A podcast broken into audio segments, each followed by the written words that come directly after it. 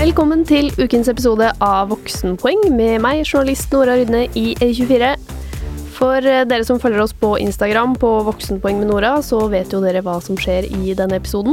Vi tar en liten runde på ting vi ikke kom oss gjennom i episodene våre om jobbsøking, men som dere fortsatt lurer på. Og til å svare på disse ekstraspørsmålene, så har vi fått med oss partner og HR-sjef i Deloitte, Eva Gjøvikli. Velkommen. Takk skal du ha, Nora. Du sitter jo og rekrutterer for hardlivet og har gjort det ganske lenge. Det stemmer. Ja, så du eh, bør være et bra orakel, tenker jeg. jeg skal prøve å være et orakel. Vi går eh, rett på et spørsmål som eh, vi i redaksjonen også lurte veldig på når vi fikk det. Hva sier jeg hvis de jeg søker jobb hos spør meg om hva jeg forventer i lønn? Da skal du rett og slett svare på det. Fordi i en sånn prosess så er det viktig at begge parter er enige om hvilke forventninger man skal ha til hverandre, og en av de forventningene er jo lønn. Så her er det viktig å være ærlig og snakke åpent om det. Du kan gjerne nevne det du har i lønn i dag men også forventningene. Og så er det jo noe med å ha en dialog rundt om de forventningene er realistiske eller ikke. Spørsmålet kan komme opp når som helst i prosessen, så det kan komme tidlig i prosessen eller sent i prosessen. Mm. Så vær forberedt på akkurat det spørsmålet. Åh, men jeg syns det er så vanskelig, fordi mm. Altså, én ting er jo når man har en lønn fra før, da. Eh, det er jo greit nok, da har du liksom et visst utgangspunkt, men hvis man er helt nyutdanna, hvordan finner man liksom mm. er, Du kan jo ikke bare si jeg vil ha en mild. det, kan man ikke bare, det kan man ikke bare si. Eller man kan jo prøve seg, men det er ikke så lurt, kanskje. Jeg opplever jo at de som søker jobb, i hvert fall hos oss, har en ganske god formening om hva er det man tjener her og der. Eh, både hos oss og hos de som de kan sammenligne oss med. Så de har en ganske god kunnskap om hvor lønnsnivået ligger. Ja. Men hvordan, hvordan har de funnet ut det, da? Fins statistikker, og de snakker med de som de kjenner som har startet hos oss fra før, mm. eller eh, nettverket sitt for øvrig. Ok. Er det For den eneste måten jeg kan se for meg, eller som jeg har gjort, da, og vet at andre har gjort, er jo at man ringer klubbleder. Ja. Er det noe du anbefaler? Ja, jeg tenker at eh, det er mange kilder til å finne ut eh, hva man tjener i der hvor man søker en jobb. Og klubbleder kan helt sikkert være én kilde. Det som jeg er mest eh, vant med, det er jo at man spør eh, tidligere kollegaer eller tidligere studentvenner eh, som man vet jobber i tilsvarende jobber, da. Okay. Hvis du ikke har funnet ut av det, da, har du opplevd at man f.eks. spør sånn Nei, jeg, jeg vet ikke, har dere et forslag? ja, og det kan jo også være helt greit. At man går inn i det, så er det ikke lønna som er viktig. Man ønsker å være en jobb hvor man kan få utvikle seg, bygge kompetanse. Lønna er det som betyr kanskje minst. Uh, og da har man ikke store forventninger, og da kan man jo snakke om at jeg forventer å ligge på det som denne stillingen normalt ligger på, f.eks. Uten at man ja, tenker noe særlig mer over det. Og så mm. får man et tilbud, og så kan man gå inn i forhandlinger etter det også, hvis det er aktuelt. Ja, nettopp. Ok, men da burde man jo anta, hvis jeg spør eh, nei, hva syns dere, så burde man vel anta at da går ikke dere ut med det høyeste dere kan gå ut med? Vi går ut med det som vi alltid syns er fair, tenker jeg. Hva, det, hva, slags kompetanse er det vedkommende har? Ehm, det, har han eller hun lang erfaring? Og hvor er det vi da skal legge oss på lønnsskalaen vår? Vi prøver aldri å lure noen. Det er, det er, vi veldig opptatt av. Det skal oppleves som fair, og det beste for oss og for kandidaten er jo også at man treffer blink ved første forsøk. Så slipper man å gå inn i litt den type krevende dialoger. Ja, for det kan bli litt dritt etterpå. ja, jeg tror ikke det blir dritt etterpå, men, men, eh, men er, jeg tror det er viktig å prøve å treffe der, sånn at man opplever at det er fair fra start. Også hvis vi hadde lagt oss lavere enn det vi mener er rimelig, så vil jo det være en dårlig start for oss som arbeidsgiver òg, tenker jeg. Ja. Hvis noen føler at man går inn og så prøver man prøver arbeidsgiver å lure en litt fra start. Det er ikke noe, det er ikke noe god opplevelse. Men eh, hvis jeg får et tilbud fra dere som dere syns er fair, så er det fortsatt liksom da har ikke jeg blåst sjansen min på å forhandle. Da kan jeg si nja, jeg hadde kanskje forventet litt høyere. Ja, det kan man helt, eh, helt klart si. Så har vi fått et litt eh, kinkig spørsmål her. Som er, det er ganske langt, og så er det litt flere spørsmål inni her. Men vi begynner jo med det første. Det kommer fra en som er utdannet innen regnskap. Og den eneste jobberfaringen hun har, det er fra et sted hun jobbet i bare to måneder. Og så skriver hun Jeg sluttet fordi det ikke fungerte mellom meg og sjefen min, og nå føler hun at hun har et forklaringsproblem når hun søker på jobber. Øh, fordi hun får spørsmål om hvorfor hun sluttet etter to måneder, og dessuten er jo dette hennes eneste jobberfaring. Hvordan øh, skal man håndtere en sånn situasjon, som hun sikkert ikke er alene om? Det er helt fair å ha en dårlig jobberfaring. Eh, og så tror jeg det er viktig at man ikke problematiserer det altfor mye selv. Eh, man har helt sikkert en god forklaring på hvorfor det blir sånn. Eh, men det er viktig da å være objektiv inn i det når man begynner å snakke om det. Ikke skylde på andre, ikke si at dette, alt dette er andres feil, men kanskje også prøve å ikke snakke altfor mye om det som skjedde, men være ja, si at dette det, det, var ikke den riktige jobben for meg, eller det fungerte ikke helt optimalt. Og så er det opp til den som intervjuer, hvis man ønsker å problematisere det mer. Ofte så tenker man jo at ah, dette er et kjempeproblem, og her, dette må jeg forklare, og alt sånt. Og det er ikke sikkert at den som sitter på andre siden tenker at det er et så stort problem. Så ikke begynn å problematisere det selv. Det er det første rådet jeg vil eh, gi. Og så hvis du får spørsmål om det, så prøv å gi en så objektiv forklaring som mulig. Eh, og pass på å ikke legge skylden på tidligere arbeidsgiver eller tidligere kollegaer, men fortell nøytralt om situasjonen. Ok, så hvis jeg hadde et problem med sjefen, da, et samarbeidsproblem, hvordan mm. kan jeg da si at uh, ja, at det ikke funket uten å legge skylden på sjefen? Nei, der ville jeg sagt at det var et eh, krevende samarbeid, eh, og at, eh, du, at man selv ønsket å ta konsekvensen av det. Og det er også helt feil. Noen ganger så funker det bare ikke. Og det skal man ikke være så redd for å si. Tenker at det er bedre enn å prøve å bortforklare og si at alt var fint, men jeg valgte å, slutte likevel, ja. liksom. Så det at man ikke har kjemi med noen, eller at det er andre utfordringer som man også kan tenke at man ikke har så lyst til å snakke om, det er helt greit. Mm. Og så er det jo det er litt man, Du sa også at det var den eneste arbeidserfaringen som hun hadde. Eh, men kan, man kan ha veldig mange andre erfaringer enn arbeidserfaring. Man kan ha jobbet i team på skolen, man har vært i grupper. Det er mange måter å få frem på at man er ganske god til å samarbeide. Og det tror jeg er ganske viktig her. Så hvis man har en uheldig erfaring, hvordan kan man vinkle det til eh, å si at dette var sånn? Det ønsker jeg ikke å problematisere for mye. Men jeg har også andre erfaringer fra skolearbeid, fra sommerjobber, andre ting man har vært med på, og så kan man eh, legge vekt på det. Så kan man ha referanser der, f.eks. Man kan også se at hvis hun har en hatt en utfordring eh, i samarbeidet med sjefen, så kan det være andre i den arbeidssituasjonen som hun samarbeider godt med. Og da kan hun ha de som referanse, f.eks. Ja, så hun kan prøve å liksom trekke fram hva som funket i den jobben, ja. og så forklare kort hva som ikke funket, og hvorfor hun da slutta. Ja, og så kanskje enda viktigere er jo hva var det hun lærte av det? Fordi man lærer jo noe av enhver situasjon. Og det er i hvert fall noe jeg er opptatt av når jeg intervjuer. Det er sånn ok, ja du var i en situasjon, den var krevende. Og det å håndtere det på en ålreit måte, enten det er å slutte eller andre ting, eh, og hva man lærte av det, det å ha en refleksjon rundt det, det er viktig for meg. Ja, ja, for vi har jo vært inne på det i en annen episode i denne sesongen, at det er fint å kanskje reflektere rundt hva man lærte at man trenger da, mm. av en leder. Mm. Det kan hun kanskje ja. komme med? Ja, og det kan hun jo være bevisst på også inn i en ny, når hun søker en ny jobb.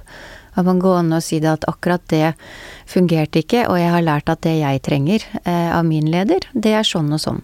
Og det har også noe med forventningsstyring å gjøre. Ja.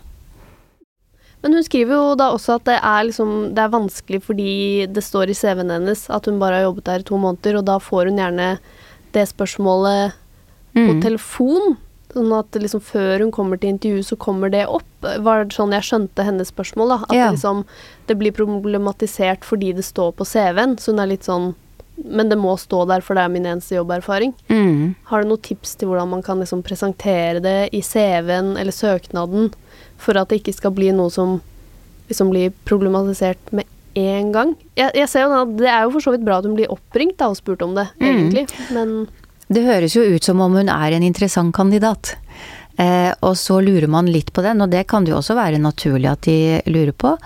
Men da tenker jeg at hun eh, skal eh, svare eh, ærlig på det og si at ja, det har jeg en god forklaring på, og jeg forklarer gjerne det i et intervju. Altså det, det er nok en gang det å prøve å ikke problematisere det for mye. Og så skal man heller ikke prøve å skjule det i eh, CV-en. Fordi det er jo den erfaringen hun har. Hun har helt sikkert lært noe der, også faglig. Hun har sikkert eh, gjort det godt faglig, siden hun er interessert i samme type jobber også etterpå. Og det kan hun også vektlegge. At faglig sett så syns jeg det var superspennende. Men det var andre ting som ikke fungerte like godt akkurat der. ja. Så i søknaden så vil du prøvd å liksom få med deg det du har lært på jobben, og så Mm. kort etterpå si det funket ikke pga. noe helt annet. Ja. Eh, Men ville du skrevet i søknaden da at det kan jeg forklare nærmere, og det har jeg lært, også Nei. lært nå? Nei. Jeg ville ikke ha skrevet det i søknaden, for da er det hun som problematiserer det, uten at hun vet at de andre problematiserte det. Ok.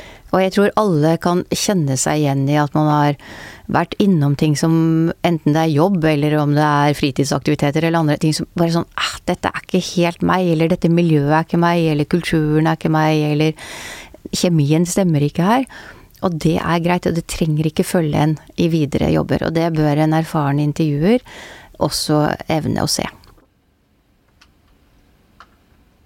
Men hun stiller jo også spørsmålet ehm, hvordan skal jeg skaffe meg jobb innen regnskap hvis alle jobbannonser krever at søkeren skal kunne regnskap fra A til Å, og eller må ha to til tre års erfaring? Mm. For hun sier jo det at hun er jo nyutdanna, så hun, har ikke liksom, hun er ikke like trygg på alle arbeidsoppgaver. Men eh, som jeg leser det, er liksom opptatt av å Mm. bli flink, da, for hun er jo eh, engasjert.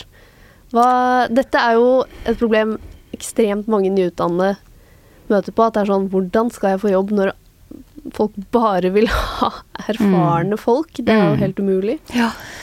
Nei, akkurat den der er jo også kinkig, og, og man bør jo selvfølgelig i størst mulig grad prøve å finne de jobbene som etterspør den kompetansen man har. At det er en match da mellom kompetanse og jobben. Og så, når det ikke er sånn, og det er de jobbene krever erfaring, så kan det jo hende at ikke selskapet som rekrutterer finner personer med den riktige erfaringen. Og da kan man, det er lurt å sende inn en søknad likevel, og så kan man si ja, hva er det annet jeg har da? Hva er det som kompenserer for det jeg mangler i erfaring? Hvis hun har supergode karakterer f.eks., så viser hun jo at hun er flink i faget sitt, som, og det har hun lært på skolen uten nødvendigvis eh, så mye erfaring. Så hvordan kan hun kompensere for den manglende erfaringen? Og det er viktig å få frem i en søknad. Eh, liksom, ja, jeg kan ikke det og det, eller jeg tilfredsstiller ikke det og det, men dette er jeg kjempegod på, og det tror jeg vil være nyttig for dere.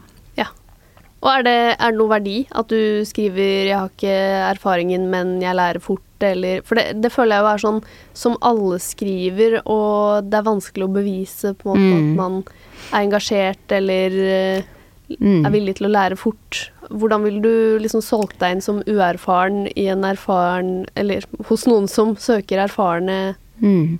Det aller beste er jo å gi eksempler. Ja. Hvis du har eksempler fra studietiden eller andre ting du har gjort, så er det det som gir størst troverdighet. Så jobbe med eksempler, og det er det jo det vi som intervjuer også er opptatt av. Man kan si mye, som du sier. Man kan lage ganske store bilder av seg selv. Og så når vi skal prøve å finne ut om dette er helt reelt, eller om det er akkurat det vi trenger, så er det eksemplene vi er ute etter. Vi graver i eksemplene.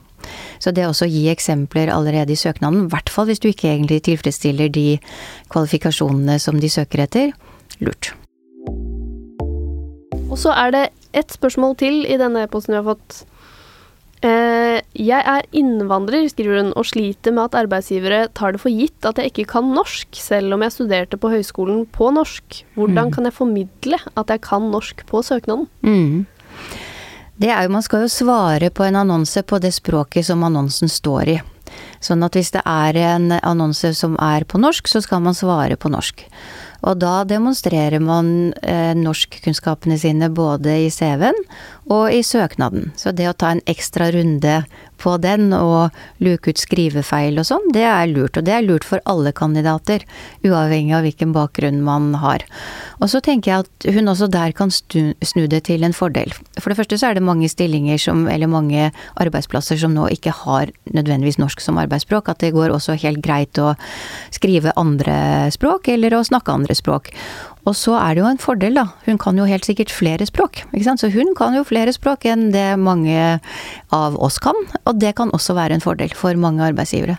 Så snu det nok en gang til en fordel, og si at hva er det hun har eh, med sin bakgrunn som ikke andre har. Og da er det flere språk. Ok, ja.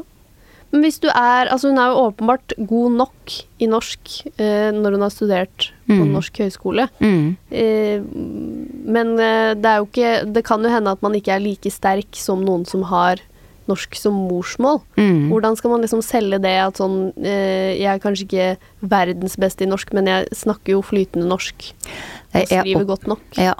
Jeg opplever jo nå at eh, de fleste arbeidsgivere er reelt opptatt av, og ser at det er veldig klokt å ha et mangfold i, eh, i arbeidsstokken sin. Og det å da være die hard på norskkunnskaper er ikke det klokeste man gjør.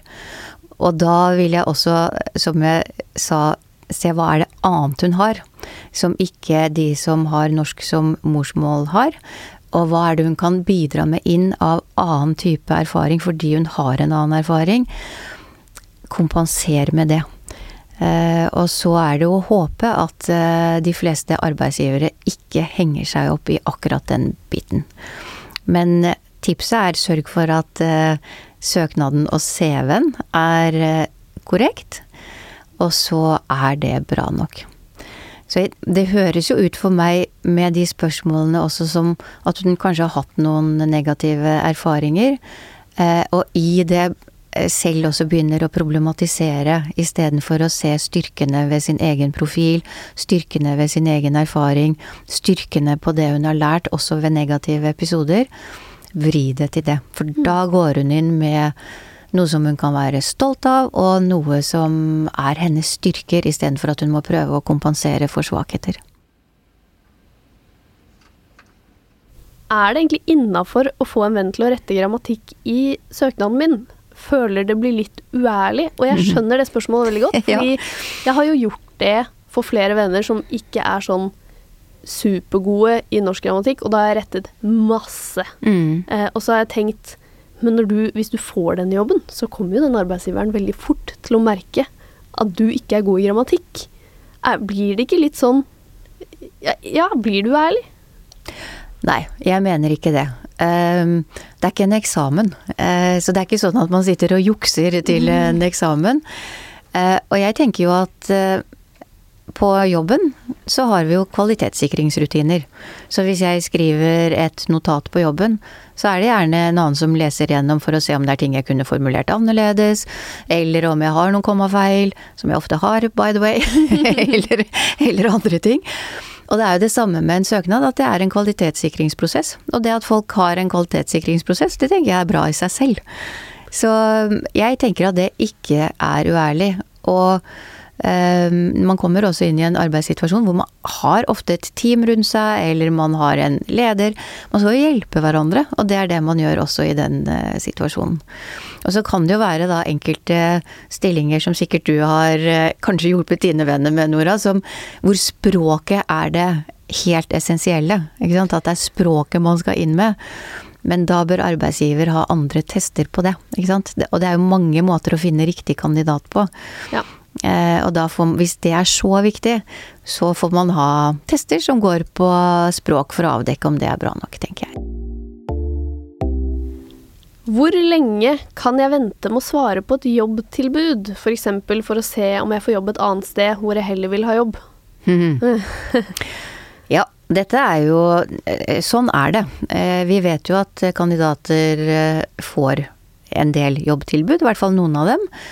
Og så er det jo frister, da. På, det er svarfrister på tilbud. Og her er det nok en gang viktig å være ærlig og redelig i prosessen. Så når man får et tilbud, så bør man sende et svar og si tusen takk for eh, tilbudet. Jeg skal gå grundig gjennom det og kommer tilbake til dere. Og så, hvis man tenker at man trenger utvidelse på fristen fordi man venter på noe annet, så er det også legitimt å både si og be om. Men da er det lurt å gjøre det tidlig, sånn at eh, arbeidsgiver også vet hva han eller hun har å forholde seg til. Og så må man ikke overskride fristene. Ehm, for det er noe med å få frem at man, at man er ryddig, da, i ja. Eh, disse prosessene. Okay. Men ha en ærlig og åpen dialog om de behovene som er. Ta det gjerne tidlig i eh, prosessen, sånn at arbeidsgiver vet hvordan man skal forholde seg til. Hvem kan være referanser? Det har vi jo vært litt inne på. Eh, hva eh, Her står det Hva hvis jeg ikke har satt opp sjefen, men de vil gjerne snakke med en sjef mm. som referanse? Ja. Alle kan være referanse. Eh, og så må man være beredt på å oppgi flere referanser enn det man opprinnelig har gjort i søknaden sin. Eh, det kan være sjefen. Eh, og hvis man ikke ønsker at man skal snakke med sjefen, så er det lurt å forklare hvorfor man ikke ønsker det. Og det er det faktisk ganske mange som ikke ønsker.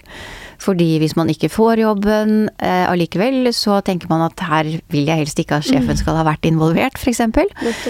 Um, og så kan man ha ønske om å snakke med kollegaer eh, som ikke står på referanselisten. Så vær forberedt på å oppgi andre referanser enn det som du selv har gitt. Eller hvis arbeidsgiver også kjenner organisasjonen eh, som man er i opprinnelig, eh, så kan det hende at man kan spørre om kan jeg få lov til å ta kontakt med noen som jeg vet om, eh, som du har jobbet sammen med før. Så har vi et uh, spørsmål om gruppeintervju. Det har jeg faktisk aldri vært på, men spørsmålet er uh, at uh, når man er på gruppeintervju, så blir det jo liksom en litt annen dynamikk. Og hvis man ikke er den som prater mest nødvendigvis, så føler man kanskje at man blir litt borte, og så er det gjerne da én person som stikker seg veldig fram og tar veldig mye plass. Hvordan, hvordan håndterer man den situasjonen der? Mm. Det er en ganske krevende situasjon å være i. Um, og det som kanskje fort skjer, er at man blir veldig selvsentrert eller opptatt av hvordan, opp, hvordan oppfatter de meg nå i forhold til de andre. Og så tenker jeg at gruppeintervju har man jo også for å se hvordan man samspiller i et team, og om man er en god teamplayer. Så det er ikke sikkert at det er den som tar mest plass, som blir best evaluert. Eh, fordi da får man jo ikke nødvendigvis frem et godt teamarbeid og så gode resultater som man kan få når man jobber i team. Så jeg, det jeg ville ha gjort, hvis man er i den situasjonen da, at man selv føler at man holder seg litt tilbake, det er noen andre som tar veldig mye plass, da ville jeg tenkt på ok, hva er det jeg kan bidra med nå for å skape best mulig resultat for dette teamet? Hva skal være min rolle? Jeg er ikke den som tar mest mulig plass, for den rollen er opptatt. Den er det noen andre som har tatt allerede. Hvordan kan jeg være mer en teamplayer, eller noen som stiller de gode spørsmålene, eller bidrar med å konkludere og lande på svarene. Det er alltid en rolle man kan ta i et team som ikke er opptatt fra før, og som bidrar til at teamet som sådan skaper et godt resultat. Ja. Så jeg tenker at pass på ikke ikke prøve å hevde seg på samme måte som den som tar plass. Det er en plass som da allerede har blitt opptatt, og det er vanskelig å snu den dynamikken. Men tenk på hva er det som kan være min styrke inn i dette teamet for at vi skal få et godt resultat. Og de som observerer teamdynamikken i et eh, teamintervju, de er jo nettopp opptatt av at man ser teamet og helheten i teamet, og ser at man jobber med å finne seg selv og sine egne styrker inn i det teamet. Ikke bli selvsentrert og prøve å være som andre. Vær deg selv. Bra tips. Det skal gå an. Det skal gå an. Ok, Eva. Da var vi gjennom ganske mange spørsmål her. Tusen takk eh, for at du eh, kom hit og svarte. Takk for at jeg ble invitert. Ok, nå har vi fått et spørsmål her om LinkedIn, og jeg vet jo at uh, rekrutterer Erik Falk Hansen, som har vært gjest her i studio før, han er veldig opptatt av det. Hei, Erik. Ser arbeidsgivere ofte på LinkedIn-profiler, og hva må minimum stå der for at man skal ha en OK profil? Jeg vil tenke at de, Når man får inn søkere, eller når man går gjennom søkere, så vil man ofte ta opp både LinkedIn og andre sosiale medier for å, å sjekke ut profilen. Varierer sikkert litt, men selv så gjør jeg det alltid. Hvis det kommer inn ti gode søkere, og, og den ene kandidaten ikke har LinkedIn-profil, da, da vil nok den komme ned i bunka. Ok. Når det gjelder innhold i profilen, um, så har LinkedIn et sånn ratingsystem hvor du kan få en all-star profile. Og Det burde alle prøve å bygge seg. Og Det kan man få uten å betale noe premium, uh, men det går bare på hva av info man fyller inn. Så jeg pleier å si som regel er at har du en CV du som innholdsmessig er fornøyd med, og vi snakka jo om det når jeg var hos dere sist, mm. så vil jeg på en måte speile det på, på LinkedIn, hatt all den infoen også på LinkedIn. For LinkedIn er jo i grunnen bare en digital CV. Ja. Så mye info under hver stilling du har hatt. Legg til utdannelse, legg til alle ferdigheter. Skriv et godt sammendrag. Og selvfølgelig det, det, dette med å ha et eh, bilde der og kontaktinfo. Eh, veldig, veldig viktig. Ja, ja bilde. Man kommer til å susse hvis det ikke er bilde. Det merker jeg jo selv ja, det, at jeg tenker faktisk. Ja. For det er så mange som, sånn litt sånn falske kontoer. Det er samme på Facebook, som ikke har bilde. Så man, jeg tenker bare Hvis det er en LinkedIn-profil uten bilde, så tenker jeg at det er noen som kanskje bare lagde en profil for ti år siden og ikke gjort noe med det, liksom. Ja. Ok, så speile eh. CV-en. Men hva med sånne derre eh, Sånn bokser der du må ha sånn info om ting du kan, og så skal folk gå inn og godkjenne at du kan det. Må jeg ha det? Nei, altså Det som veldig, ikke alle vet, er at eh, når du setter, legger inn disse ferdighetene, eh, så vil det jo da komme opp dette med at folk kan gå inn og endorse det. Men, men det kan du ta vekk så du kan allikevel få inn ferdighetene, men det er en knapp du kan trykke på, sånn at du slipper å ha det der med at folk skal inn og endorse det. Ja, ok. Så jeg ville sagt få inn ferdighetene, men ta vekk den her muligheten at folk kan endorse det, så fremt ikke du absolutt vil ha det der. Ja. Men det betyr ingenting. altså. altså jeg har jeg har blitt endorsa 200 ganger for uh, vitenskap, og uh, jeg kan ikke skifte lyspære engang. så, så det har ikke så mye å si. Ok, så det er bare som en liksom kjapp sånn at du kan sjekke ja, helt grunnleggende ting? Ja, og så vil jeg bare også sånn legge til helt til slutt at det å få referanser på LinkedIn, uh, det er kjempeviktig. Oi. så hvis du kan få tidligere sjef til å skrive noen linjer om det, uh, så forstyrker det profilen veldig. Og du kan tenke sjøl hvis du hvis du slutta i en stilling i, i mai, så kan det være folk tenker hm, hvorfor, hvorfor slutta Nora der, eller hvorfor mista Nora jobben? Og så kan man da se at oi, der har tidligere leder skrevet en suveren referanse. Så er jo det alle betenkeligheter tatt vekk. Tusen takk for svar, eh, Erik. Bare hyggelig. Ha det bra. Så snakkes vi. Yes. Ha det, Nora. Ha det. Hvis du vil ha alle svarene som ikke er her, så får du gå tilbake i arkivet og høre på de fire episodene vi har om eh, jobbsøk. Og nå tar Voksenpoeng en liten juleferie. Vi er tilbake i januar. Og da skal vi snakke om fond. Rett og slett eh, gi deg en full innføring i hvordan du begynner med fond, hvordan du velger fond. Hvordan du rett og slett får mest ut av pengene dine i fond. Og så må du selvfølgelig gå og følge oss på Instagram, der vi legger ut masse gøy og nyttige tips og alt mulig. Der heter vi altså Voksenpoeng med Nora. Produsent i dag, det var Ahmed Fawad Ashraf. Og god jul!